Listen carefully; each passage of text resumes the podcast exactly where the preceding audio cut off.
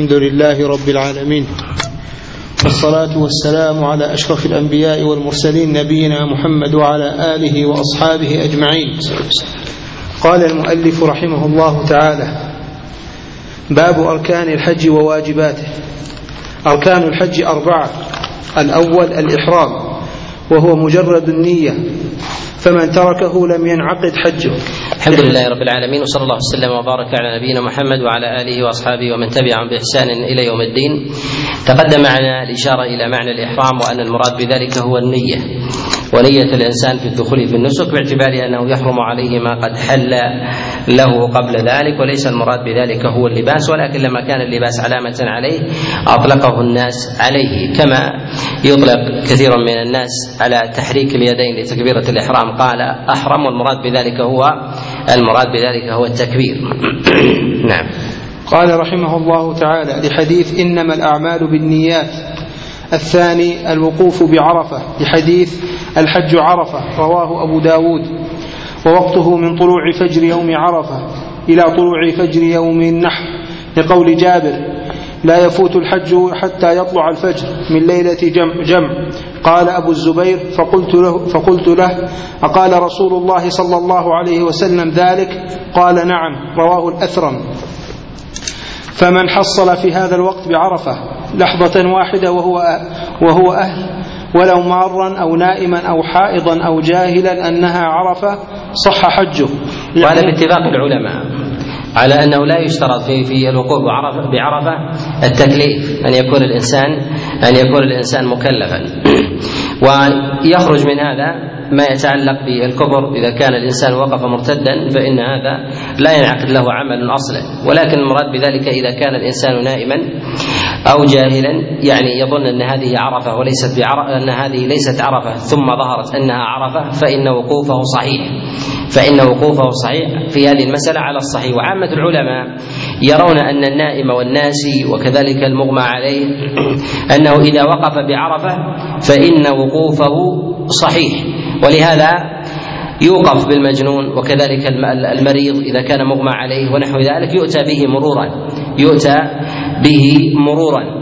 وهذا ظاهر في أيضا في حديث عروة بن مضرس في قول النبي صلى الله عليه وسلم أية ساعة من ليل أو نهار، يعني قد وقف بعرفه في ليلها أو نهارها ونهارها هو في اليوم التاسع وليلها هو وليلها هو ليلة وليلها هو ليلة النحر باعتبار أن ما كان بعد ذلك يعتبر يعتبر يوم يوم العيد. نعم. قال رحمه الله تعالى لعموم حديث عروة بن مضرس بن أوس بن حارثة بن لام الطائي قال أتيت رسول الله صلى الله عليه وسلم بالمزدلفة حين خرج إلى الصلاة فقلت يا رسول الله إني جئت من جبل طي جبلي. من جبلي طي. أكللت راحلتي وأتعبت نفسي. والله ما تركت من جبل إلا وقفت عليه. فهل لي من حج؟ فقال رسول الله صلى الله عليه وسلم من شهد صلاتنا هذه ووقف معنا حتى ندفع وقد وقف قبل ذلك بعرف ليلا أو نهارا فقد تم حجه وقضى ثفته. رواه الخمسة وصححه الترمذي. نعم. قال الوقوف بعرفة. يصح من الإنسان ولو وقتا يسيرا. وذلك من طلوع الفجر من يوم عرفة يبتدئ الوقوف. و أما بالنسبة لسنة النبي صلى الله عليه وسلم في ذلك فالسنة في الوقوف بعرفة أن الإنسان يدخلها بعد الزوال. يدخلها بعد الزوال. يصلي الظهر والعصر جمعا على مشارفها ثم يدخل يدخل عرفة. ويبقى فيها إلى غروب الشمس. فإذا غربت الشمس فإنه ينصرف. هذا هو الكمال وهذا هو السنة. وأما المجزئ للإنسان فيجزئ أن يقف قبل قبل الزوال. أن يقف قبل الزوال. وإذا أراد السنة فقدم إلى عرفة قبل الزوال. فهل يدخلها أم السنة أن ينتظر؟ السنة أن ينتظر. السنة أن ينتظر ولو دخل عرفة فلا حرج فلا حرج عليه وعمله حينئذ وعمله حينئذ صحيح. وأما بالنسبة لما كان دون عرفة كعرنة فذهب جماهير العلماء إلى أنها ليست ليست من عرفة. ويستدلون بهذا ما جاء في الخبر رواه الإمام مالك في الموطأ قال ارفعوا عن بطن عرنة. وجاء في رواية الإمام مالك رحمه الله إلى أنها إلى أنها من عرفة وأن من وقف فيها فوقوفه فوقوفه صحيح. ومن دفع من عرفة قبل غروب الشمس دفع عصرا. فحجه صحيح ووقوفه صحيح عند عامة العلماء وأنه ليس ليس عليه شيء إلا أنه خالف السنة. وذهب بعض الفقهاء إلى وجوب الدم عليه. وهذا قول الإمام مالك رحمه الله ورواية في المذهب. نعم. قال رحمه الله تعالى قال المجد وهو وهو حجة وهو حجة في أن نهار عرفة كله في أن نهار عرفة كله وقت للوقوف. في أن نهار عرفة. في أن أحسن الله إليك وهو حجة في أن نهار عرف أن نهار عرفة كله وقت للوقوف. وقال صلى الله عليه وسلم الحج عرفة. من جاء من جاء ليلة من جاء ليلة جمع قبل طلوع الفجر فقد أدرك الحج. رواه الخمسة. لا إن كان سكرانا أو مجنونا أو مغمى عليه لأنه ليس من أهل العبادات بخلاف النائم. ولو وقف الناس ولو وقف الناس كلهم أو كلهم إلا قليلا في اليوم الثامن أو العاشر تقدم معنا في مسألة في مسألة حج المجنون. وذكرنا الخلاف الخلاف في هذه المسألة وأن الصواب أن الحج من المجنون صحيح كالصبي وذلك أن فقد العقل من المجنون يشاركه في ذلك الصبي بل إن المجنون قد يدرك يدرك من الخير والشر ما لا يدركه الصبي إذا كان صغيرا. كالصبي الذي في مهده فإذا كان له حج عند عامة العلماء فينبغي أن يكون للمجنون من باب أولى. وذكرنا شيئا من التعليل في صدر هذا الكتاب. نعم. قال رحمه الله تعالى إلا إن كان سكرانا أو مجنونا أو مغمى عليه لأنه ليس من أهل العبادات بخلاف النائم. ولو وقف الناس كلهم أو كلهم إلا قليلا في اليوم الثامن أو العاشر خطأ أجزأهم نص عليها نص عليهما. لأنه لا يؤمن لا يؤمن وقوع مثل ذلك في القضاء فيشق. وهل من وهل وهل هو يوم عرفة باطنا؟ قد جاء في الخبر في قوله عليه الصلاة والسلام وأضحاكم يوم تضحون يعني أن الأمر على جماعة المسلمين. فلو اجتمع الناس في غير عرفة ثم ظهر أنهم رأوا الهلال بالخطأ فعمد العلماء على أن حجهم صحيح بل حكي الاتفاق على هذا. حكي الاتفاق على هذا سواء تقدموا أو تأخروا. ولهذا ينبغي للإنسان الذي يرى الهلال بنفسه والناس لم يروا أو لم يعتد بشهادته ينبغي ألا يقف وحده وأن يكون مع جماعة وأن يكون مع جماعة المسلمين وحجه حينئذ وحجه حينئذ صحيح. نعم. قال رحمه الله تعالى وهل هو يوم عرفة باطنا؟ فيه خلاف في مذهب أحمد. قال قاله الشيخ تقي الدين ورجح أنه يوم عرفة باطنا وظاهرا وإن فعل ذلك نفر, نفر قليل منهم فقد فاتهم الحج لتفريطهم. وقد روي أن عمر قال لهبار بن الأسود لهبار, لهبار بن الأسود لما حج من الشام وقدم يوم النحر ما حبسك قال حبست حبست أن حسبت, حسبت أن أن اليوم عرفة فلم يعذر بذلك رواه الأثرم. الثالث طواف الإفاضة لقوله تعالى وليطوفوا بالبيت العتيق وعن طواف الإفاضة هو طواف الحج. وذلك وذلك ركن من أركان الحج بالاتفاق. وزمنه يعني طواف الإفاضة وطواف الحج يكون يوم النحر وذلك بعد صلاة الفجر. بعد صلاة الفجر على قول جماهير العلماء. وأما من طاف قبل ذلك فطوافه ليس بصحيح. فطوافه ليس بصحيح عند عامة العلماء عند عامة العلماء أيضا. ثمة قول لبعض الفقهاء من الشافعية إلى أن طوافه طوافه صحيح وهذا القول قول لا يعتد به. نعم. قال رحمه الله وعن عائشة قالت حاضت صفية بنت حيي بعدما أفاضت. قالت فذكرت ذلك لرسول الله صلى الله عليه وسلم. فقال أحابستنا هي قلت يا رسول الله إنها قد أفاضت وطافت بالبيت ثم حاضت بعد الإفاضة. قال فلتنفر إذا. متفق عليه. فدل على أن هذا الطواف لا بد منه وأنه حابس لمن لم يأت به.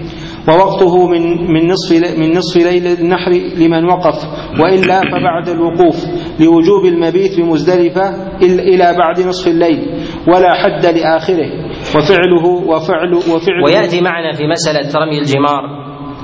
في زمن رمي الجمار وكذلك أعمال أعمال أيام التشريق من رمي من رمي الجمار والمبيت ونحو ذلك. ومعلوم أن الناس في المبيت بمزدلفة إما أن يكونوا ضعفا فيدفعون وهذا يسقط عنهم شطر الليل ولا يكون حكمهم كحكم. من من بقي في عرفة من بقي بمزدلفة إلى طلوع الفجر. من كان باقيا في مزدلفة إلى قبل طلوع الفجر ثم قال إني أريد أن أطوف طواف الإفاضة فطوافه ليس بصحيح لأنه من أهل من أهل المبيت بمزدلفة. على قول على قول عامة السلف. وأما إذا كان من الضعفاء فإذا سقط عنه المبيت من نصف الليل فإن أعمال يوم النحر جائزة منه على الصحيح. جائزة منه على الصحيح. وذلك من الرمي فإنه ما دفع إلا إلا هربا إلا هربا من الزحام. فإذا دفع بعد منتصف الليل فينبغي ألا يمنع من رمي جمرة العقبة ولهذا نقول لمن دفع بعد منتصف الليل من الضعفاء أو من مرافقيهم لا حرج عليه أن يرمي جمرة العقبة ليلا. وهذا ظاهر في حديث في حديث أسماء عليها رضوان الله. وكذلك أيضا لا حرج عليه أن يطوف طواف الإفاضة والسنة في حقه أن يكون ذلك بعد طلوع الفجر كما فعله رسول الله صلى الله عليه وسلم. بعض الفقهاء يرون أن أعمال يوم النحر لا تكون إلا بعد طلوع الفجر حتى لمن طاف حتى لمن دفع بعد منتصف الليل. ولكن نقول إن العلة من الدفع بعد منتصف الليل هو خشية الزحام عند الجمار. فكيف ينتظرون أن يأتي الناس ثم يزاحموه؟ وذلك أن فجاج مكة في الذهاب من مزدلفة إلى منى متسعة. لا يكون فيها ضيق وإنما الضيق هو في التدافع عند عند الجمار. فرخص النبي صلى الله عليه وسلم للضعفاء أن ينفروا بعد منتصف الليل وهذا دليل على جواز عملهم بأعمال يوم النحر. وذلك من الرمي والحلق والذبح على قول جماعة من الفقهاء والأولى في ذلك أن يكون بعد طلوع بعد طلوع الفجر. نعم. قال رحمه الله تعالى ولا حد لآخره. وفعله يوم النحر أفضل لقول ابن عمر أفاض رسول الله صلى الله عليه وسلم يوم النحر. متفق عليه. الرابع السعي بين الصفا والمروة. لقول عائشة طاف رسول الله صلى الله عليه وسلم وطاف المسلمون. تعني بين الصفا والمروة. فكانت سنة فلعمري ما أتم الله حج من لم يطف بين الصفا والمروة. رواه مسلم. ولحديث اسعوا فإن الله كتب عليكم السعي. وهذا مما اختلف فيه العلماء في حكم السعي بين الصفا والمروة. هل هو من أركان الحج أو من واجباته أو من سننه؟ هي ثلاثة أقوال. تقدم معنا الكلام الكلام عليها عند كلامنا على أركان الحج في صدر هذا الكتاب. نعم. قال رحمه الله تعالى واجبات الحج وواجباته سبعة وقيل ستة لأن طواف الوداع واجب على على كل من أراد الخروج من مكة. وإنما لا يذكر العلماء أو بعض العلماء طواف الوداع في واجبات الحج لأن طواف الوداع لا يجب على كل حاج. فما كان من المكيين وكذلك المرأة إذا كانت إذا كانت حائضا فإنه لا حرج عليها أن تخرج من مكة من غير طواف. لأن النبي صلى الله عليه وسلم يقول قال اعملي ما, ما يعمل الحاج غير ألا تطوفي بالبيت. وحينئذ لا حرج عليها لا حرج عليها أن تدفع وتدع وتدع طواف الوداع. نعم. قال رحمه الله تعالى الإحرام من الميقات لما تقدم. والوجوب هنا هو من الميقات وأما الإحرام في ذاته فهو ركن لأن عمل الإنسان لا يكون إلا بالنية. والمواقيت كما تقدم الكلام عليه هي ما حددت في حديث عبد الله بن عباس وعبد الله بن عمر وكذلك جابر وغيرهم. نعم. قال رحمه الله تعالى والوقوف إلى الغروب لمن وقف نهارا لأن النبي صلى الله عليه وسلم وقف إلى الغروب. وقال وقد قال خذوا عني مناسككم. يقول هنا لمن وقف نهارا. لأن من وقف ليلا لا يمكن أن يقف إلى الغروب وذلك لأنه في الليل. ومن وقف نهارا فلا بد له من أجل ومن وقف ليلا قد استدبر أجله أصلا وكان أجله وراء ظهره. لهذا يقال يقف ولو شيئا يسيرا. يقف ولو شيئا يسيرا. إذا جاء الإنسان من الليل بعد غروب الشمس فيقف في عرفة شيئا يسيرا ثم ثم ينصرف. ولهذا وهذا ما أمر به عمر بن الخطاب عليه رضوان الله حينما كان حينما جاءه رجل وهو وهو بمزدلفة. فقال له أوقفت بعرفة؟ قال لا. قال اذهب إلى عرفة وقف ساعة ثم ذهب إلى عرفة. فصلى عمر الفجر فقال أجاء الرجل وهو على راحلته؟ فقالوا لا فانتظره حتى قيل له جاء الرجل ثم دفع. وهذا دليل على أمرين. الأمر الأول أن من كان من كان وقته مزدحم بين الوقوف بعرفة وبين المبيت بمزدلفة فإن عرفة أولى ويذهب إليها. يذهب إليها ويدع المبيت بمزدلفة بل يسقط عنه. وفي هذا دليل أيضا على أن من ترك المبيت بمزدلفة ترك واجبا وما ترك ركنا. لأنه لو كان ركن فالركن الحالي أولى من الركن الماضي. كذلك أيضا فإن من ترك المبيت بمزدلفة ترك واجبا وهو آثم ولا يجب عليه في ذلك دم ولهذا لم يأمره عمر بن الخطاب بالدم. وذلك لتفريطه. أو خشي الفوات فجاء وبادر. أو نوى الحج متأخرا. كالذي ينوي الحج مثلا متأخرا في يوم عرفة ثم أراد أن يذهب إلى عرفة فرجع وقد انتهى وقت المبيت بمزدلفة. نقول حجه صحيح ولا شيء عليه من الكفارات بإذن الله. نعم. قال رحمه الله تعالى والمبيت ليلة النحر بمزدلفة إلى بعد نصف الليل لأنه صلى الله عليه وسلم بات بها وقال المبيت بمزدلفة من الواجبات وهذا على قول جمهور العلماء وذهب بعض العلماء إلى ركنيته وهذا وهذا مروي عن بعض الفقهاء من المحدثين كابن خزيمة وغيره. ومن العلماء من فرق بين المبيت بين المبيت والوقوف فجعل ثمة وقوف والوقوف يكون بعد صلاة الفجر والمبيت يكون قبله. فأوجبوا الوقوف وما أوجبوا المبيت فجعلوا المبيت سنة وجعلوا الوقوف الوقوف واجب. وهذا مروي مروي في مذهب أهل الرأي. نعم. لأنه صلى الله عليه وسلم بات بها وقال لتأخذوا عني مناسككم. قول النبي صلى الله عليه وسلم لتأخذوا عني مناسككم. هل الأصل في ذلك الأمر هو على الوجوب أم على الاستحباب؟ في قوله عليه الصلاة والسلام خذوا عني مناسككم. أراد النبي عليه الصلاة والسلام أن يبين أنه هو القدوة المنفرد في هذه الأعمال لا يشاركه في ذلك غيره. وذلك أن أن النبي صلى الله عليه وسلم سبقه سبقه الجاهليون بالتبديل. سبقه الجاهليون بالتبديل. ولهذا النبي عليه الصلاة والسلام ما حج ما حج عليه الصلاة والسلام بعد فرض الحج عليه عاما. وإنما أرسل أبا بكر وأبا هريرة ومعهم جماعة من الصحابة أن ينادوا أن لا يحج بعد هذا العام مشرك وأن لا يطوف في البيت عريان. لماذا؟ لأنه سيحج من قابل وهو القدوة فتلتبس أعمال الجاهلية بأعماله. ولهذا لما أراد النبي عليه الصلاة والسلام أن يذهب بالصحابة قال خذوا عني مناسككم. يعني ربما يطرأ شيء حتى في المسلمين مما حفظوه من أعمال من أعمال سابقة فيفعلونه على حسن ظن. فيفعلونه على حسن ظن فجعل النبي عليه الصلاة والسلام الأمر إليه. ولهذا من يقول بأن ظاهر الأمر الوجوب في قوله لتأخذوا عني مناسككم أن الأمر في هذا على الوجوب فيه نظر. وذلك أن إذا قلنا بهذا الإطلاق لتأخذوا عني مناسككم يلزم من ذلك أن نقول بكثير من الأعمال أنها من الواجبات وليست كذلك. القاعدة إذا جاء لدينا أمر فننظر ونسبر تلك المأمورات. وهي افعال النبي عليه الصلاة والسلام الذي التي أمرنا بالاقتداء بها. فننظر في هذه المأمورات.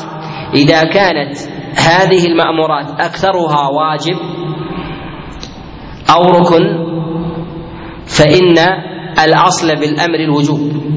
الأصل في الأمر هنا الوجوب. وإذا كان أكثرها سنة فالأصل في الأمر السنية لا الوجوب إذا قلنا في قول النبي عليه الصلاة والسلام لتأخذوا عني مناسككم لنسبر أعمال الحج. من نظر إلى أحوال النبي عليه الصلاة والسلام من الجهر بالتلبية وتكرارها وكذلك أيضا في الاغتسال والصلاة عند الإحرام والتطيب قبل الإحرام وكذلك أيضا الاغتسال لدخول مكة وكذلك أيضا تقبيل الحجر والرمل والاطباع والذكر بين وذكر بين الركنين كذلك أيضا في الصلاة الصلاة خلف المقام. وكذلك شرب ماء زمزم والدعاء تكرارا فوق الصفا والمروة كذلك الجري بين العلمين وغير ذلك من الأعمال هي سنن هي سنن ويلزم من هذا أن نقول بوجوبها. ونحن هنا لم نستوعب ما جاء عن النبي عليه الصلاة والسلام من أعمال كثيرة. إذا هل الأصل في قوله لتأخذوا عني مناسككم أنه ينصرف إلى الوجوب أم أنه ينصرف إلى التشريع؟ ينصرف إلى التفرد بالتشريع. ولا ينصرف ولا ينصرف إلى الوجوب ولا ينصرف إلى الوجوب لأن لو قلنا بذلك نلزم القائل بواجبات ولا يقول بها بل لا يقول بها عامة العلماء أو باجماعهم ككثير من ككثير من المسائل. نعم. قال رحمه الله تعالى وعن ابن عباس كنت في من قدم النبي صلى الله عليه وسلم في ضعفة أهله. قدم. كنت في من قدم؟ قدم نعم. أحسن الله إليه. قال رحمه الله وعن ابن عباس كنت في من قدم النبي قدم النبي صلى الله عليه النبي. أحسن الله إليك. قال وعن ابن عباس كنت في من قدم النبي صلى الله عليه وسلم في ضعفة أهله من مزدلفة إلى منى. متفق عليه. وعن عائشة قالت أرسل رسول الله صلى الله عليه وسلم بأم سلمة ليلة النحر فرمت الجمرة قبل الفجر ثم أفاضت. يجوز لضعف أن يدفعوا بعد منتصف الليل؟ والضعفة لا يلزم من ذلك المرض وإنما من كان دون غيره ممن كان غيره من سواد الناس وأكثرهم يضرون به ولو على سبيل الاحتمال. وذلك كالنساء أو الأطفال. ويدخل في ذلك أيضا من كان مرافقا لهم. ويدخل في هذا من كان مرافقا لهم. وذلك كمحرم المرأة. وكذلك قائد القافلة. والشخص الصحيح الذي مرتبط بجماعة. ويخشى أنهم إن ذهبوا أن يتيه عن موضعه بمنى. لا حرج عليه لا حرج عليه أن يدفع أن يدفع معه. ولهذا رخص النبي صلى الله عليه وسلم للصبيان.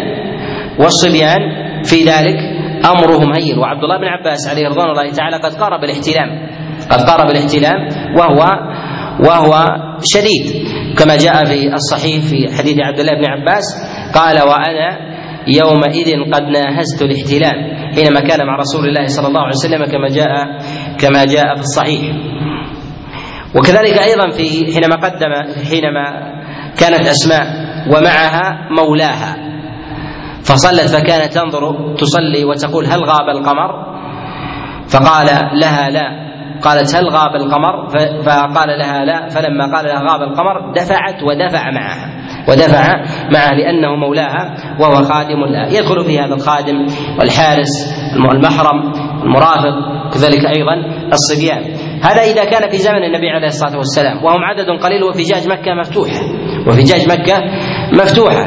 وفي زماننا من باب أولى أن ييسر على الناس أن ييسر على الناس بالدفع. نعم. قال رحمه الله تعالى والمبيت بمنى في ليالي التشريق لقول عائشة ثم رجع إلى منى فمكث بها ليالي المبيت هو البقاء ليلا ولو لم يكن ثمة نوم يقال بات فلان في موضع كذا إذا مكث فيه واستقر ليلا ولو لم ينم إذا كان مستيقظا ونحو ذلك ولا يلزم من ذلك الاضطجاع ما دام أنه ما دام أنه باقي في هذا سواء كان قائما أو كان قاعدا. فهذا فهذا من المبيت. نعم. قال رحمه الله تعالى لقول عائشة ثم رجع إلى منى فمكث بها ليالي أيام التشريق. الحديث رواه أحمد وأبو داود. ولمفهوم حديث ابن عباس قال استأذن العباس رسول الله صلى الله عليه وسلم أن يميت أن يبيت بمكة. ليالي منى من أجل سقايته فأذن له. متفق عليه. وفي هذا الدليل على أن المبيت بمنى واجب وإلا لما استاذن حتى يحتاج إلى إذن. ولو كان من الأمور التي ان فعلها الإنسان أو على التراخي يفعلها الإنسان أو مخير فيها الإنسان بين فاضل ومفضول لما استاذن النبي صلى الله عليه وسلم. وهذا دليل على الوجوب. والمبيت ليالي من نبيت الإنسان ليلة في يوم النحر ليلة الحادي عشر وليلة الثاني عشر. وهاتان ليلتان يجب على الإنسان أن يبيتهما. وأما ليلة الثالث عشر فإن بقي الإنسان إلى إلى غروب الشمس وجب عليه أن يبيت. وجب عليه أن يبيت. وإذا أراد أن يتعجل في يومين جاز له ذلك شريطة أن يدفع قبل غروب الشمس. نعم. قال رحمه الله تعالى وعن عاصم بن علي أن رسول الله صلى الله عليه وسلم رخص لرعاء الإبل في البيتوتة عن منى يرمون يوم النحر ثم يرمون من الغد ومن بعد الغد ليومين ثم يرمون يوم النفر رواه الخمسة وصححه الترمذي. ومسألة المبيت المبيت بمنى المبيت بمنى كما تقدم من الواجبات من تركه متعمدا أو معذورا لا دم عليه. لا دم عليه لأن النبي عليه الصلاة والسلام ما أمر العباس وما أمر أيضا الرعاة أن يفتوا مع أنه أمر كعب بن عجرة حينما حينما حلق شعره وهو معذور أيضا وهو وهو معذور. ولهذا نقول إن عذر الإنسان أو عدم عذره لا يوجب الدم وإنما المعذور يرتفع عنه الإثم وغير المعذور آثم. يجب عليه في ذلك التوبة. هذا على الصحيح من أقوال العلماء. ومن لم يتمكن من المبيت لزحام أو لغلاء الأسعار في الإيجارات ونحو ذلك ولا يطيق فنقول إنه لا حرج عليه أن يبيت خارجها وما هو حد الخارج؟ نقول لا حد له ما دام في مكة. ما دام ما دام في مكة. بعض الفقهاء يقول ينبغي أن يكون مقاربا لها أو ملاصقا أو ملاصقا لها. ويقيسون هذا؟ قالوا على اتصال الصفوف في الصلاة. وهذا فيه نظر. وهذا فيه نظر. لماذا فيه نظر؟ أن قياسهم في قولهم اتصال الصفوف أنه يلزم من هذا أن الناس لو حجوا قليل كأن يحج مثلا عشرة آلاف ينبغي أن يكون عشرة آلاف مع بعض داخل منى لماذا؟ لأنها قياس على الصلاة. قياس على الصلاة. وإذا كان القليل العدد القليل ينبغي أن يتقاربوا لا أن يكون أوزاع أناس في أطراف منى وأناس في شمال منى وأناس في جنوبها. ولهذا نقول إن الإنسان إذا لم يجد مكانا في منى لا حرج عليه أن يبيت في أي موضع من مكة على حد على حد سواء. نعم. قال رحمه الله تعالى ورمي الجمار مرتبا. فرمي فيرمي يوم النحر جمرة العقبة. يقول ورمي الجمار الرمي يختلف عن النبل أو الحذف أو الخذف. فهذا الرمي المراد بذلك هو رفع اليد. وهو بخلاف أيضا التنزيل أو الإسقاط ونحو ذلك. ولهذا قال رمي الجمار. وأن يكون من الجمار لا من غيرها. أن يكون من الجمار. ولهذا الذي يأخذ الحصى ويرميها في الحوض هذا لم يرمي. هذا لم يرمي. ومن أخذ غير الجمار ورمى بها هذا لم يرمي حتى يكون رميا ويكون من الجمار. نعم. قال رحمه الله لأن النبي صلى الله عليه وسلم بدأ بها ولأنها تحية منى ويرمي الجمرات الثلاث في أيام التشريق كل يوم بعد الزوال كل قل ولأنها تحية منى. هذا من كلام الفقهاء. هذا من كلام الفقهاء. وهم يسمون أول الأعمال التي يفعلها الإنسان تحية. لأن عادة الإنسان إذا اتقى بغيره حياه. حياه. فيجعلون أول الأعمال من التحية كتحية البيت الطواف. نعم. قال رحمه الله كل يوم بعد الزوال. كل جمرة بسبع حصيات. يقول وكل يوم بعد الزوال. وهذا عند عامة العلماء أن رمي الجمار يكون بعد الزوال إلا رمي جمرة العقبة يوم النحر. فإن السنة في ذلك أن يكون بعد إشراق الشمس والوقت في ذلك متسع والسنة أن يرمي نهارا. السنة أن يرمي أن يرمي نهارا. نعم. قال رحمه الله كل جمرة بسبع حصيات يبدأ بالجمرة الأولى وهي أبعدها من مكة وتلي مسجد الخيف ثم الوسطى ثم جمرة العقبة. لحديث عائشة أن النبي صلى الله عليه وسلم أما يوم النحر فلا يرمي إلا جمرة العقبة فقط. وهي آخر الجمرات من جهة مزدلفة وأول الجمرات من جهة من جهة القادم من مكة. نعم.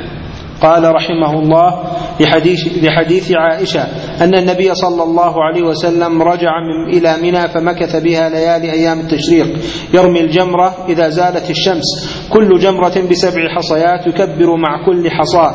يقف عند الأولى والثانية فيطيل القيامة ويتضرع ويرمي الثالثة ولا يقف عندها رواه أبو داود. والحلق والحلق أو التقصير. رمي الجمار يستحب للإنسان أن يدعو عنده.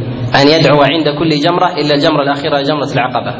ومن نظر وسبر إلى أعمال النبي عليه الصلاة والسلام كالسعي والطواف يجد أنه في الخاتمة لا يعمل شيء. في خاتمة في خاتمة طوافه وخاتمة سعيه كذلك أيضا خاتمة رمي الجمار لا يدعو عليه الصلاة والسلام بخلاف طوافه ابتداء يكبر وفي الخاتمة وفي خاتمة الطواف لا يكبر. كذلك أيضا عند السعي بين الصفا والمروة يدعو وعند الخاتمة ينصرف لأنه انتهى. نعم. قال رحمه الله سادسا والحلق أو التقصير لأنه تعالى وصفهم بذلك وامتن به عليهم فقال محلقين رؤوسكم ومقصرين. الآية ولأن النبي صلى الله عليه وسلم أمر به فقال فليقصر ثم ثم ليحلل. ودعا للمحلقين ثلاثا وللمقصرين مرة متفق عليه. وفي حديث أنس أن رسول الله صلى الله عليه وسلم أتى منى فأتى الجمر فرماها ثم أتى منزله بمنى ونحر ثم قال للحلاق خذ وأشار إلى جانبه الأيمن ثم الأيسر وجعل يعطيه الناس رواه أحمد ومسلم. وقال ابن المنذر اجمعوا على إجزاء التقصير إلا أنه يروى عن الحسن إيجاب الحلق في الحجة الأولى ولا يصح للآية. ويستحب لمن لا شعر له ويستحب أحسن الله إليك. ويستحب لمن لا شعر له إمرار الموسى على رأسه. روي ذلك عن ابن عمر وبه قال مالك والشافعي ولا نعلم فيه خلافا قاله في الشرح. سابعا. في الحلق والتقصير هي من الواجبات سواء حلق أو قصر هذا على سبيل العموم والحلق أفضل والحلق أفضل من التقصير.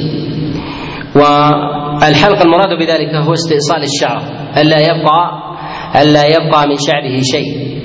والتقصير هو أن يعمم من شعره يأخذ من من مجموع شعره. ما يستوعب الشعر اخذا مع بقاء مع بقاء شعر الرأس. فيكون قد أخذ من جل شعره أو غالبه. ولا شك أن الحلق أفضل.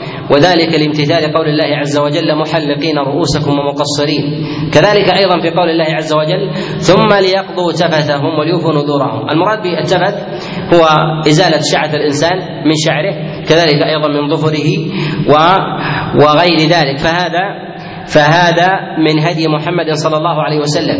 ويكفي في تاكيد ذلك أن النبي عليه الصلاة والسلام اختاره لنفسه فحلق وأن النبي عليه الصلاة والسلام دعا أيضا للمحلقين ثلاثا وللمقصرين وللمقصرين واحد. وأما بالنسبة للتقصير فما حده وضابطه. ينبغي أن نشير إلى شيء من المسائل التي وقع فيها نوع اضطراب في كلام بعض في كلام بعض الفقهاء. الله عز وجل جعل حلق الشعر ابتداء من محظورات الإحرام. كما في قول الله سبحانه وتعالى ولا تحلقوا رؤوسكم حتى يبلغ حتى يبلغ الهدي محله. جعل حلق الرأس من محظورات الاحرام هنا قال محلقين رؤوسكم ومقصرين. النهي الذي جاء عن النبي عليه الصلاة والسلام عن حلق الشعر هل التقصير يكون من محظورات الإحرام؟ أم أن من المحظورات الحلق؟ أم ذكر على الإجمال ليدخل فيه ليدخل فيه جميع جميع الصور الأخرى أو للعلم للعلم به. نقول ينبغي للفقيه إذا أراد أن يقرر المسألة أن يلتزم بصفة الحلق بصفة الحلق خاصة في مثل هذا الموضع عند كونه محظورا كذلك أيضا عند الأخذ بعض الفقهاء يرى أن الإنسان إذا أخذ شعرة أو شعرتين أن هذا من محظورات الإحرام حال إحرامه. وعند حله يرى أنه لو أخذ شعرة وشعرتين أنه لم يتحلل مع أن اللفظ واحد مع أن اللفظ واحد. أيضا من الإشكالات أيضا أن بعض المتفقهة يتكلمون على قضية حلق اللحى وأن حلق اللحية أن الإنسان لو أخذ من شعره شيئا يسير أن يبقى من شعره شيئا يسيرا بقدر الملي أو المليين أن هذا إعفاء. وإذا جاء هنا قال هذا حلق. إذا جاء هنا قال حلق ويجزئ الإنسان. هذا إنصاف أو ليس بإنصاف؟ ليس بإنصاف.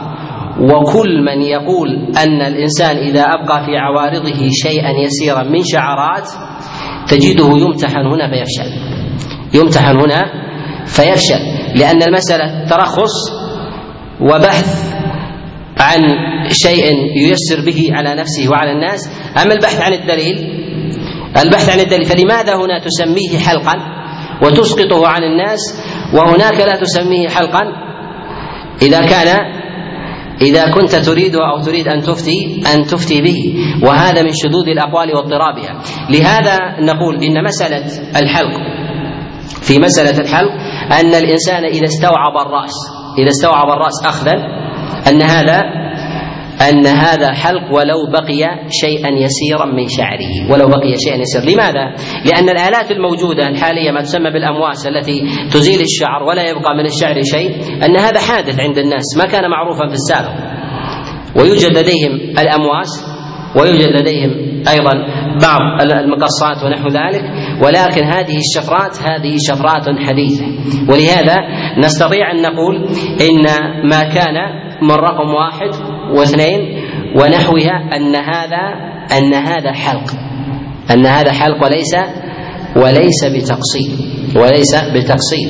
لأن اصطلاحهم في الحلق ينبغي أن يجري في جميع في جميع مواضعه. أما بالنسبة لأخذ الشعر النهي عن أخذ الشعر لاتفاقهم هناك على أن من أخذ من مجموع شعره من أخذ من مجموع شعره ولو لم يزله أن هذا أن هذا من المنهي عنه. قالوا لأن الدليل دل على نهي الإنسان أن يأخذ من شعره. على سبيل التفصيل وجاء في الآية النهي عن الحلق.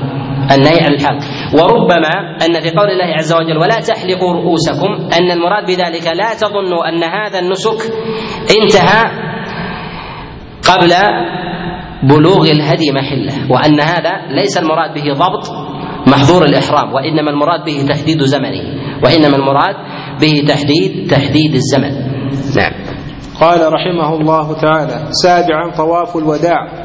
بحديث ابن عباس أمر الناس أن يكون آخر عهدهم بالبيت إلا أنه خفف عن المرأة الحائض متفق عليه.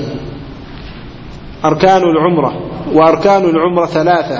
يقول هنا طواف الوداع طواف الوداع تقدم الكلام عليه وعلى وعلى وجوبه. وقد جاء عن عمر بن الخطاب كما روى مالك بن من حديث يحيى بن سعيد أنه أرجع أقواما من مر الظهران لم يطوفوا طواف الوداع. نعم. قال رحمه الله تعالى أركان العمرة وأركان العمرة ثلاثة الإحرام وهو, وهو نية الدخول فيها. لحديث إنما الأعمال بالنيات والطواف والسعي لقوله تعالى وليطوفوا بالبيت العتيق وقوله إن الصفا والمروة من شعائر من شعائر الله الآية ولحديث اسعوا فإن اسعوا فإن الله كتب عليكم السعي. رواه ابن ماجه. وعن ابن عمر وعن ابن عمر أن النبي صلى الله عليه وسلم قال من لم يكن معه هدي فمن لم يكن معه هدي فليطف بالبيت وبين الصفا والمروة وليقصر وليحلل متفق عليه وأمر وأمره يقتضي الوجوب. وواجباتها شيئان. الإحرام بها من الحل. لأمر لأمره صلى الله عليه وسلم عائشة أن تعتمر من التنعيم. وقال في الشرح ومن أراد العمر من أهل الحرم خرج إلى الحل فأحرم منه وكان ميقاتا له لا نعلم فيه خلافا. تقدم معنا الكلام على على مسألة وهي مسألة الإحرام الإحرام للمكي. أيمن المكي ماذا يصنع في إحرامه؟ نعم. وما الدليل؟ فعل عائشة النبي صلى الله عليه وسلم الرحمن بن بكر أن نعم. هذا في العمرة وفي الحج. نعم. وفي الحج؟ نعم.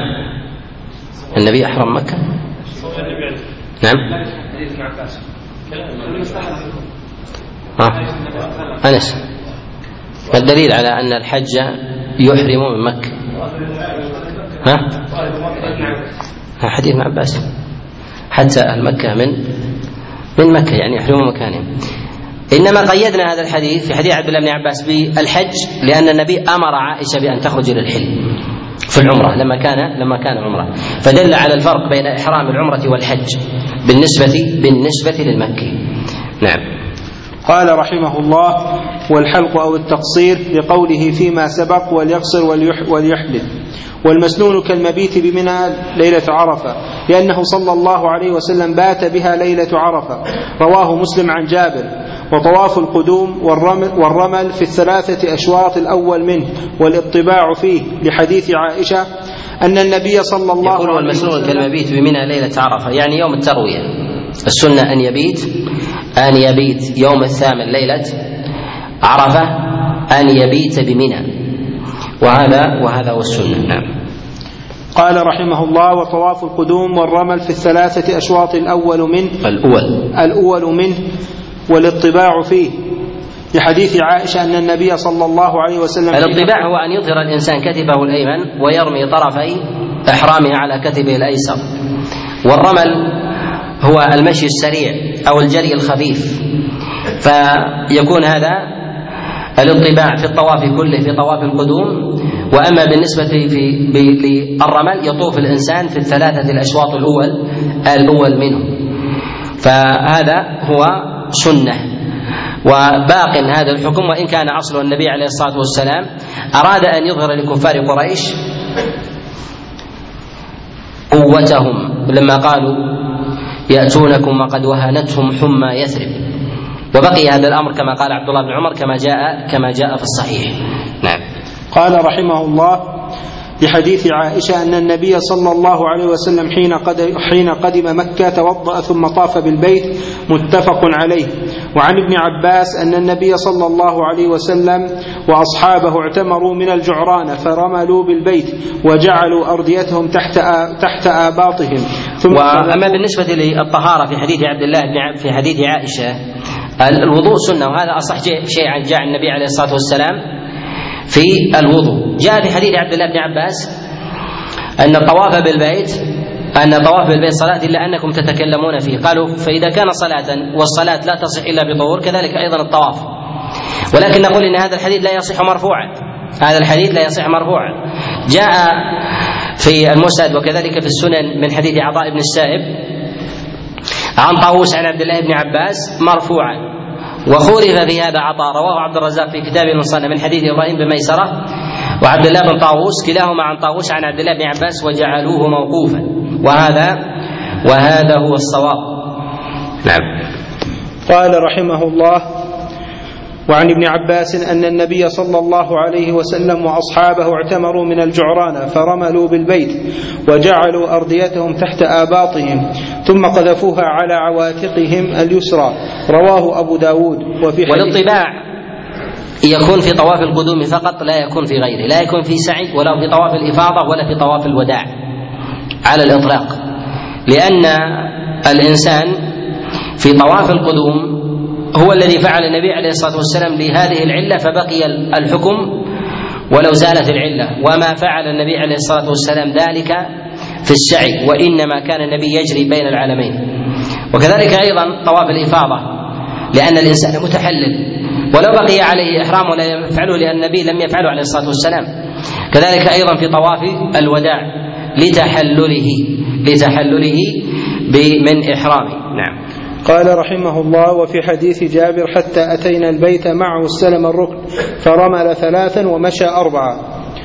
وتجرد الرجل من المخيط عند الإحرام ولبس إزار ورداء أبيضين نظيفين لما روى ابن عمر أن رسول الله صلى الله عليه وسلم قال وليحرم أحدكم في إزار ورداء ونعلين. رواه أحمد. والتلبية من حين الإحرام إلى أو إلى أول الرمي في الحج. وأما في العمرة فإلى استلام الحجر. لحديث ابن عمر أن النبي صلى الله عليه وسلم كان إذا استوت به راحلته قائمة قائمة عند مسجد ذي الحليفة.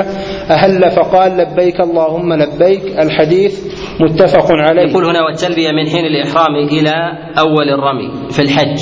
هنا قيد الأمر في الحج أي أن التلبية تكون من إحرامه. لماذا؟ لأن إحرام الإنسان إحرام الإنسان إما أن يستمر معه في حال كونه مفرد وفي كونه قارن وأما المتمتع فإنه ينتهي إحرامه بانتهاء العمرة ثم يرجع حلال. فلماذا يلبي؟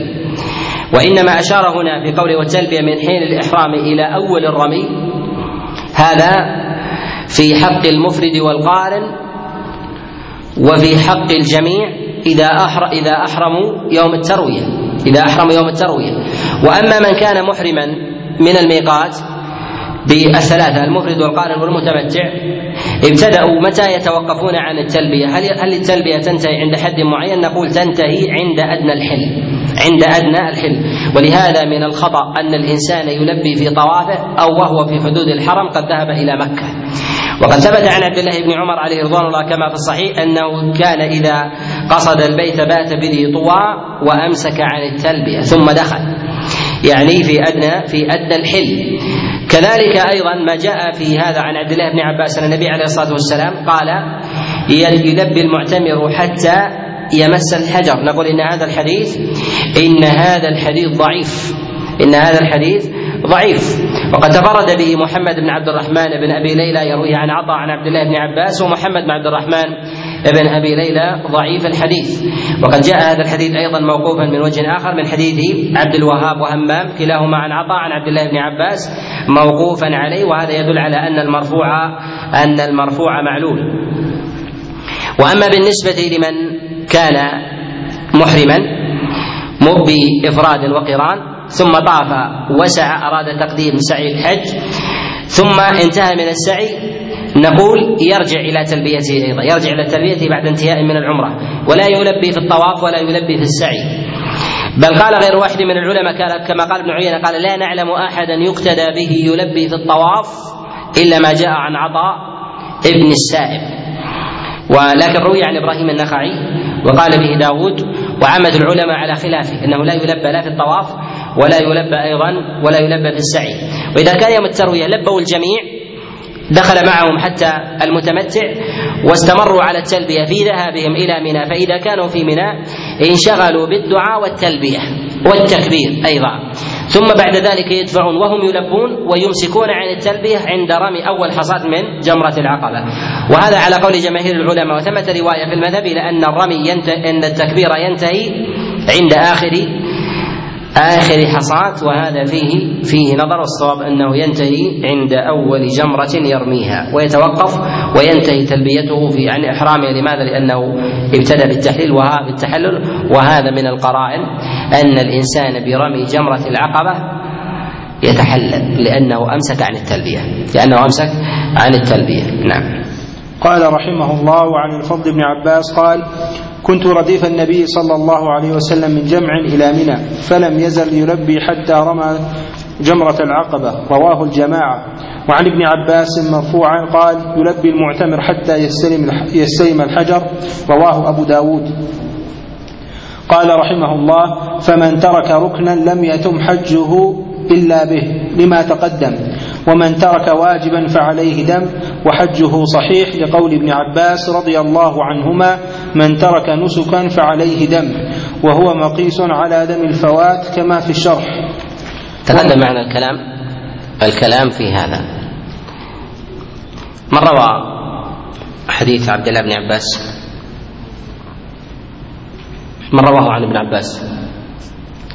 ها؟ أنس. ها من روى عن سعيد الجوير أحسنت. نعم. قال رحمه الله ومن ترك مسنونا فلا شيء عليه بعدم النص في ذلك. فصل. فصل في شروط الطواف. وشروط صح وشروط وشروط صحة الطواف أحد عشر النية والإسلام والعقل كسائر العبادات. ودخول وقته وأوله بعد نصف الليل. والمراد بهذا هو شروط الوجوب لمن أراد أن يأتي بعمل وجب عليه ذلك. أي يجب عليه أن يتحقق فيه هذا الأمر في شروعه في شروعه في الطواف وأن يصاحبه كذلك. وأن يصاحبه أن يصاحبه كذلك. والشرط هو ما يلزم من عدمه العدم ولا يلزم من وجوده من وجوده الوجود. فليس لكل إنسان متوضأ يجب عليه أن يصلي ولكن يجب على صحه في صحة صلاته أن يكون متوضئا. فإذا انعدمت الطهارة انعدمت الصلاة. وإذا وجدت الصلاة لا بد أن توجد أن توجد الطهارة ولا يلزم من وجود الطهارة وجود الصلاة. نعم. قال رحمه الله ودخول وقته وأوله بعد نصف الليل ليلة النحر. وقال أبو حنيفة أوله طلوع الفجر يوم النحر. وستر عو وستر العورة لقوله صلى الله عليه وسلم لا يطوف بالبيت عريان متفق عليه. واجتناب النجاسة وستر العورة وكستر العورة في الصلاة. كستر العورة في الصلاة. من طاف عريانا لم يكن لم يكن حاجة أو أظهر عورته كفخذه أو نحو ذلك ويخرج من هذا ما ظهر منه من غير قصد. من غير قصد فيتداركه ولا شيء عليه. نعم. قال رحمه الله واجتناب النجاسة والطهارة. والمراد بالنجاسة هي النجاسة البدنية أو على اللباس وليس المراد بذلك هو الحدث. والحدث شيء والنجاسة شيء. والحدث ضده التطهر أو الطهارة تقدم معنا الكلام على أن الصحيح في الطهارة في الطهارة أنها سنة للطواف. نعم. والطهارة من الحدث. لحديث ابن عباس أن النبي صلى الله عليه وسلم قال فيما يروى عنه الطواف بالبيت صلاة إلا أنكم تتكلمون فيه. رواه الترمذي والأثرم. تقدم معنا في هذا والصواب فيه الوقف. الصواب فيه الوقف. عبد الرحمن لماذا الصواب فيه الوقف؟ ها؟ الآن تونا بأيدينا أحمد. حديث عبد الله بن عباس. الآن خمس دقائق. ها. يرويه عطاء السابع عن طاووس عبد الله بن عباس. واختلف فيه.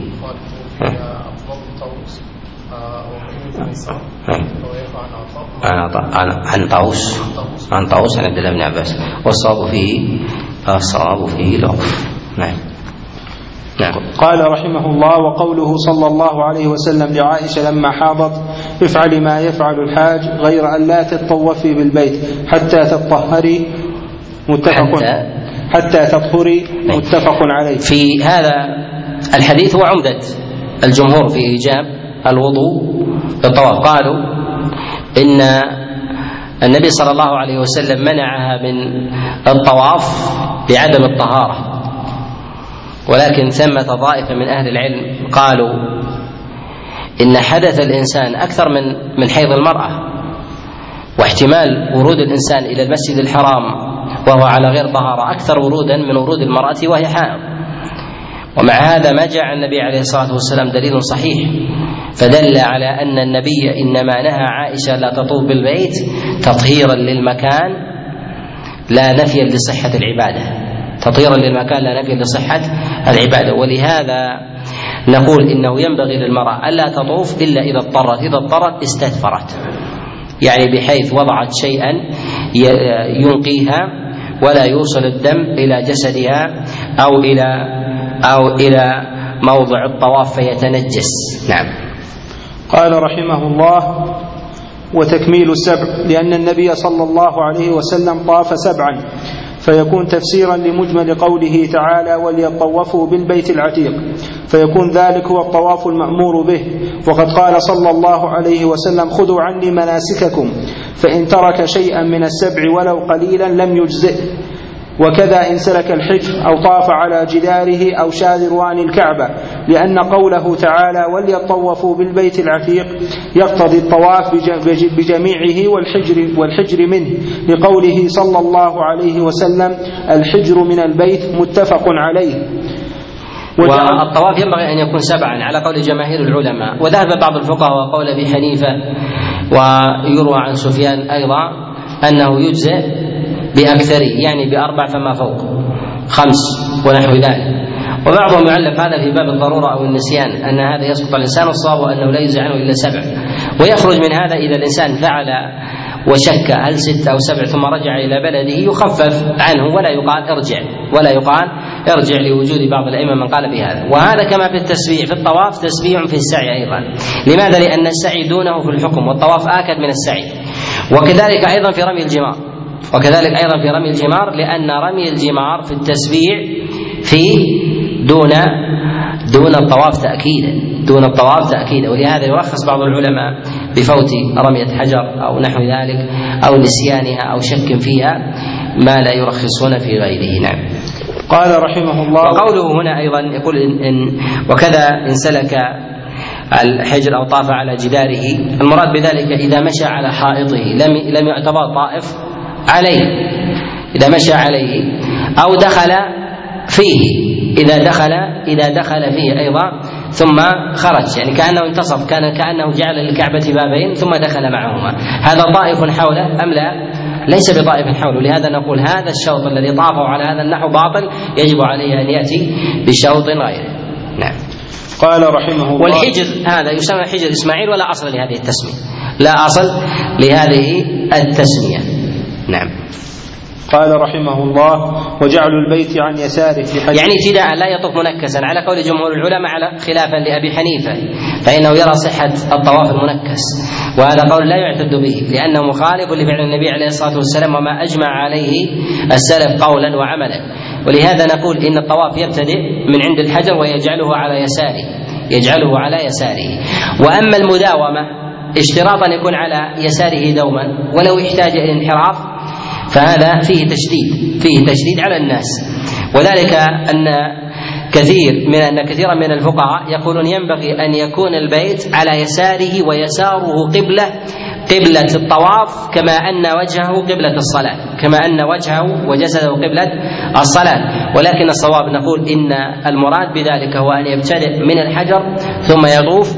ولهذا بعض الفقهاء يأمره بإعادة الشوط الذي ينحرف فيه ويجعل الكعبة على ظهره كأن يكون بزحام أو نحو ذلك. هذا هذا لا دليل على إبطال ذلك إلا أن الفقهاء حينما جعلوا البيت على يساره وقالوا بذلك وقالوا بشرطية هذا الفعل فرعوا عنه بطلان من انحرف يسيرا ثم جعلوها قبلة وهذا فيه نظر. بل نقول إنه يجب على الإنسان أن يمشي بطبيعته فإذا وجد زحام انحرف ثم ثم ذهب تيسيرا له لأنه ليس في صلاة. كذلك الواجب عليه أن يبتدي من الحجر إلى الباب إلى الحجر. ثم ثم يكمل طواف لا أن يجعله على يمينه. وعلى هذا نشدد على الإنسان الذي يحمل شيخا أو يمشي على عكاز أو المرأة إذا كانت تحمل صبيا أو متاع تنحرف شيئا يسيرا ثم يكون الحرم على كتفها الكعبة على كتفها. فهل نقول بالبطلان؟ لا نقول بالبطلان. وعلى هذا نقول إن الإنسان يبتدئ يجعل البيت على يساره ابتداء ثم يمضي ولا يتكلم ولا يتكلم. فإن وجد حاجة للانحراف انحرف وطوافه صحيح. نعم. قال رحمه الله لحديث جابر أن النبي صلى الله عليه وسلم لما قدم مكة أتى الحجر فاستلمه ثم مشى على فاستلمه ثم مشى على يمينه فرمل ثلاثا ومشى أربعا رواه مسلم والنسائي.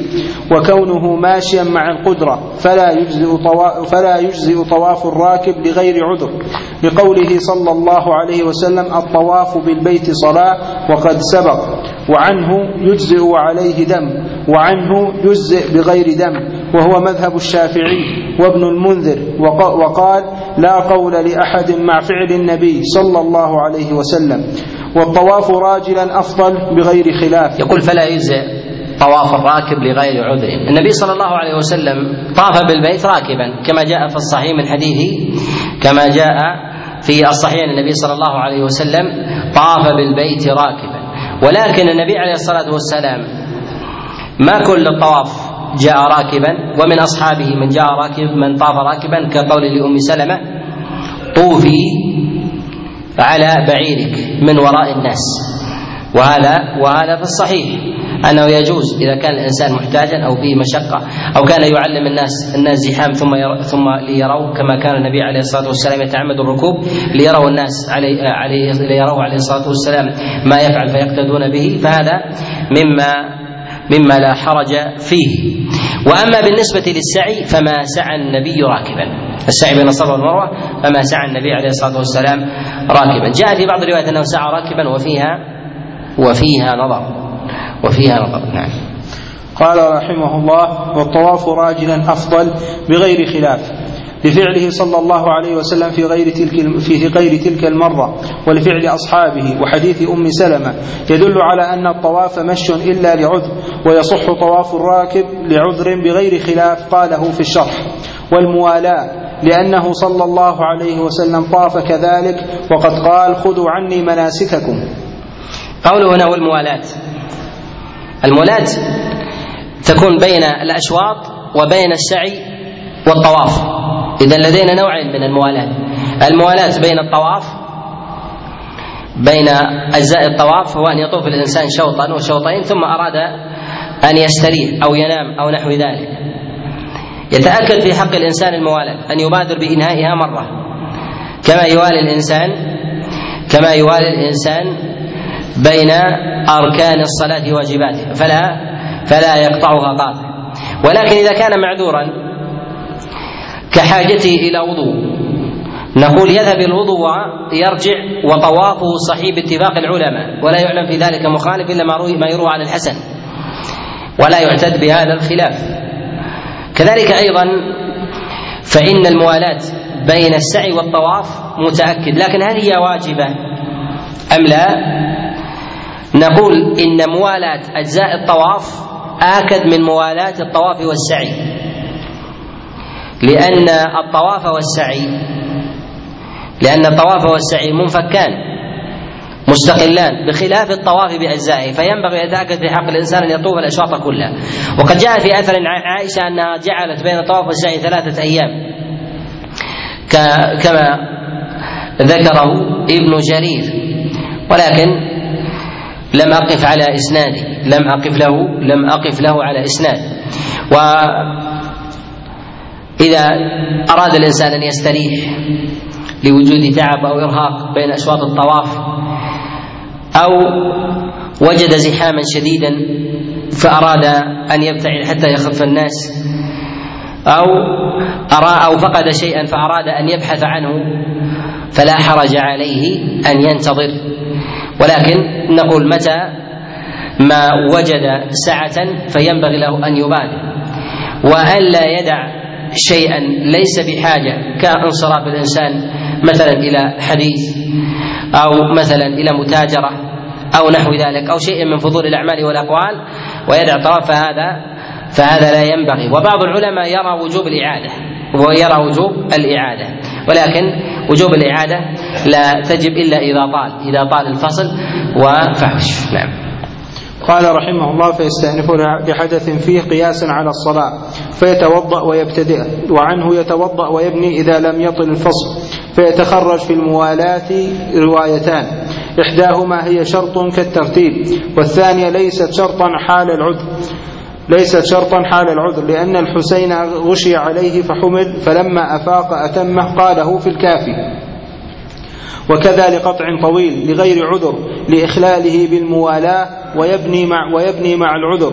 قال, قال الإمام أحمد إذا أعيا في الطواف فلا بأس أن يستريح وإن كان يسيرا أو أقيمت الصلاة أو حضرت الجنازة أو حضرت جنازة صلى وبنى من الحجر الأسود. لحديث إذا أقيمت الصلاة فلا صلاة إلا المكتوبة فإذا صلى بنى على طواف ولا يجوز للإنسان أن الناس تصلي الفريضة وهو يطوف. لا يجوز أن الناس تصلي الفريضة وهو يطوف ولم يصليها. يخرج من هذا إذا صلى الإنسان الفريضة قد أداها وأراد أن يطوف لا حرج عليه لا حرج عليه أن يطوف. لماذا؟ لأن الشبهة مندفعة في طوافه لأن الناس تفرق بين الآفاق وصاحب البلد. بخلاف إذا كان لم يصلي فإنه يحرم عليه أن يبتدئ عمل أو يقوم بعمل دون الصلاة والصلاة وآكد من الطواف. وللحديث الذي ذكره المصنف قال فلا صلاة إلا المكتوبة. نعم. قال رحمه الله قال ابن المنذر لا نعلم أحدا خالف فيه إلا الحسن. فإنه قال يستأنف وكذا الجنازة لأنها تفوت وإن شك في عدد الطواف بنى على اليقين ذكره ابن المنذر إجماعا. يعني إذا شك هل طاف ستا أو سبعا يجعلها ستا ويأتي بواحد. إذا شك خمسا أو أربعا يجعلها أربعة لأن الأربع هو اليقين. وهذا المراد بأنه يبني على اليقين. نعم. قال رحمه الله ذكره ابن المنذر إجماعا قاله في شرح سنن الطواف. وسننه استلام استلام الركن اليماني في يده اليمنى وكذا الحجر الأسود وتقبيله. يقول استلام الركن اليماني في يده اليمنى. قال الاستلام ولم يقل غير الاستلام لأنه لا يشرع للركن اليماني إلا الاستلام. بخلاف الحجر الأسود يشرع له التقبيل والاستلام وتقبيل اليد في حال عدم قدرته على التقبيل وكذلك أيضا استلامه بعصا أو بردى وتقبيل الردى والعصا إذا لم يستطع. إذا لم يستطع لأن النبي عليه الصلاة والسلام استلمه بمحجن وقبله واستلمه بيده وقبل عليه الصلاة والسلام الحجر. وكذلك جاء عن عبد الله بن عباس كما رواه عبد الرزاق عن عكرمة عن عبد الله بن عباس أنه رمى عليه رداءه ثم قبل رداءه. بخلاف الحجر اليماني فإن الركن اليماني يستلم فقط وإذا لم يستطع أن يستلم لا يشير. وهذا هو الفرق بين بين الركنين. نعم. قال رحمه الله وكذا الحجر الأسود وتقبيله. لقول ابن عمر كان رسول الله صلى الله عليه وسلم لا يدع أن يستلم الركن اليماني والحجر والحجر. في كل في كل طوق قال نافع وكان ابن عمر يفعله رواه أبو داود. وعن عمر أن النبي صلى الله عليه وسلم استقبل الحجر ووضع شفتيه عليه يبكي طويلا ثم التفت فإذا بعمر بن الخطاب يبكي فقال يا عمر ها هنا تسكب العبرات. هذا الحديث لا يصح وقد جاء من من طرق عدة ما يسمى بالملتزم. ونحو ذلك لا يثبت عن النبي عليه الصلاة والسلام فيه شيء. وأصح ما جاء في هذا عن عبد الله بن عباس. ويروى هذا أيضا عن مجاهد بن جبر. لهذا نقول إن الملتزم جاء فيه مجموع الحديث وكلها معلولة. وكلها معلولة. والملتزم هو ما بين الحجر والباب. وبعضهم يجعل الباب الباب معه.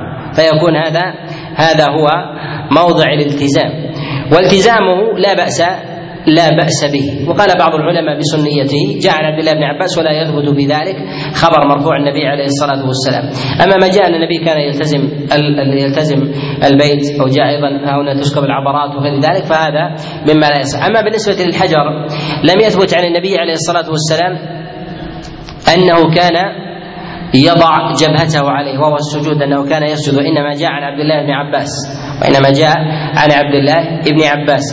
ومسألة أخرى وهي مسألة الاستقبال أن الإنسان يستقبل الحجر وهذا من المسائل التي ينبغي أن يتنبه لها أنه لم يثبت عن النبي عليه الصلاة والسلام أنه تكلف باستقبال الحجر وإنما يأتي إليه النبي عليه الصلاة والسلام ليقبله ويلزم من ذلك الاستقبال، أما إذا لم يتمكن من التقبيل ولا استلامه بمحجن فإن النبي عليه الصلاة والسلام يشير ويمضي. وأما ما يفعله العامة من تعمد استقبال الحجر كما يستقبل المصلي القبلة ثم يشير ثم ينصرف. فقد جاء في هذا جملة من الأحاديث الواهية. جاء في حديث عمر بن الخطاب عليه رضوان الله تعالى هذا وجاء فيه غيره من حديث عبد الله بن عباس وغيره ولا يصح في هذا ولا يصح في هذا الباب شيء. نعم. قال رحمه الله ونقل الأثرم ويسجد عليه. فعله ابن عمر وابن عباس فإن شق استلمه وقبل يده لما روى مسلم عن ابن عمر أن النبي صلى الله عليه وسلم استلمه بيده وقبل يده وعن أبي الطفيل عامر بن واثلة قال رأيت رسول الله صلى الله عليه وسلم يطوف بالبيت ويستلم الركن بمحجن. بمحجن معه ويقبل المحجن. رواه مسلم وأبو داود وابن ماجه. والاطباع والرمل والمشي في مواضعها لما تقدم. والركعتان بعده. إنما يقال إن الأفضل في الطواف المشي لأنه لا يمكن الإنسان أن يرمل إلا وهو ماشي. ولهذا كانت السنة السنة للإنسان أن يطوف ماشيا وهو أفضل أفضل من الركوب بلا خلاف. وأما الجواز فهو جائز كما تقدم. نعم. قال رحمه الله والركعتان بعد. والركعتان بعد. وهذا على قول جمهور العلماء. خلافا لمالك فإنه يرى الوجوب أن من ترك الركعتين خلف المقام فيجب عليه في ذلك دم. نعم. قال رحمه الله والأفضل خلف والأفضل خلف المقام لقوله تعالى واتخذوا من مقام إبراهيم مصلى وقيل للزهري وأما تلاوة الآية عند الذهاب فهذا ليس من السنة ليس من السنة وإنما تلاها النبي عليه الصلاة والسلام الاستدلال كذلك أيضا تلاوة الآية عند الذهاب أو على الصفا إن الصفا والمروة من شعائر الله فهذا ليس من المناسك وإنما فعل النبي عليه الصلاة والسلام ليدلل على ذلك. وهي جاءت في حديث جابر بن عبد الله والنبي صلى الله عليه وسلم قال واتخذوا من مقام إبراهيم مصلى وقال إن الصفا والمروة من شعائر الله في سياق واحد. في سياق واحد. ومع هذا أكثر الفقهاء يذكرون أنه يستحب إن الصفا والمروة من شعائر الله أن تقال عند الصفا ولا يذكرون واتخذوا مقام إبراهيم مصلى مع أنها جاءت في سياق واحد. ولهذا نقول إن الاثنتين ما ذكرهما النبي عليه الصلاة والسلام إلا ليدلل على فعله، الدليل على هذا أن النبي عليه الصلاة والسلام قال إن الصفا والمروة من شعائر الله بعد ذلك قال أبدأ بما بدأ الله به. إشارة إلى أنه أراد أن يستنبط معنى أن يستنبط معنى من هذه الآية ويبين الحكم للناس، نعم. قال رحمه الله وقيل للزهري إن عطاء يقول تجزئه المكتوبة من ركعتي الطواف. فقال السنة أفضل. وهذا على قول بعض العلماء أن ركعتي الطواف تجزئ عنها الفريضة إذا صلى الإنسان. إذا كان لديه فريضة يريد أن يصلي فاجتمعت قالوا تجزئ واحدة. وإذا لم يستطع الإنسان الصلاة خلف المقام فالسنة باقية وهي الركعتين ركعتي الطواف. فيصليها في أي موضع كما كان عمر بن الخطاب كما ثبت عنه أنه لما قضى الصلاة بعد الفجر ولم تطلع الشمس. ذهب حتى لما كان بذي طوى طلعت الشمس فصلى ركعتين. يعني خارج خارج الحرم. ولهذا نقول لا حرج على الإنسان يصليها في أي موضع من الحرم وهي الركعتين وهي متأكدة. فإذا لم يتركها عمر وهو بمثل هذه الحال حتى ذهب فهو يتحرى دليل على تأكيدها. كذلك أيضا ينبغي أن نعلم أن الطواف أن الطواف يتبعه ركعتان على أي نحو كان. سواء كان طواف القدوم أو طواف الإفاضة أو طواف الوداع أو طواف السنة الذي يفعله الإنسان يتطوع بسبعة أشواط يصلي. لما جاء في الخبر قال لكل لكل سبع ركعتين. نعم. قال رحمه الله تعالى فقال السنة أفضل. لم يطف النبي صلى الله عليه وسلم سبوعا إلا صلى ركعتين. أخرجه البخاري. فصل في شروط السعي. وأما بالنسبة للركعتان للركعتين فإنه يشرع للإنسان أن تكون القراءة فيها خفيفة. لماذا؟ للتعليل لا للدليل. لأن النبي صلى الله عليه وسلم في أسفاره يخفف الفريضة فكيف بالنافلة؟ الفريضة فكيف بالنافلة؟ وأما قراءة سورة الإخلاص الكافرون وقل هو الله أحد فلا تثبت أنها تقرأ بركعتي خلف المقام. وقد جاء هذا الحديث في مسلم بالشك. قال ولا أراه يرفع إلى رسول الله صلى الله عليه وسلم فيما يرويه حاتم عن جعفر بن محمد عن ابيه عن جابر بن عبد الله. وهذا من فعل محمد والد جعفر والذي يرويه عن جابر بن عبد الله. وليس من فعل النبي عليه الصلاة والسلام كما قال ذلك أبو حاتم والخطيب البغدادي وغيرهم وقد جاء من عدة طرق من غير ذكر السورتين يعني في فعل النبي عليه الصلاة والسلام. لهذا يقرأ الإنسان ما شاء. يقرأ الإنسان ما شاء من سور القرآن شريطة أن يخفف. والإطالة في في السفر في الصلوات التي يطال فيها كالفجر ونحو ذلك هذا في حال الإقامة. أما في حال السفر فظاهر عمل السلف من الصحابة وغيرهم أنهم كانوا يخففون فيقرؤون بإلاف كل إلاف قريش فيقرؤون أيضا بقل يا أيها الكافرون ونحوها ولا يقرؤون بالطوال ولو كانت ولو كانت في الفجر. وهذا إذا كان في الفريضة فالنافلة من باب من باب أولى. نعم. قال رحمه الله نقف نقف هنا. نكتفي بهذا القدر وصلى الله وسلم وبارك على نبينا محمد. غدا نختم إن شاء الله. ونسأل الله الإعانة والتوفيق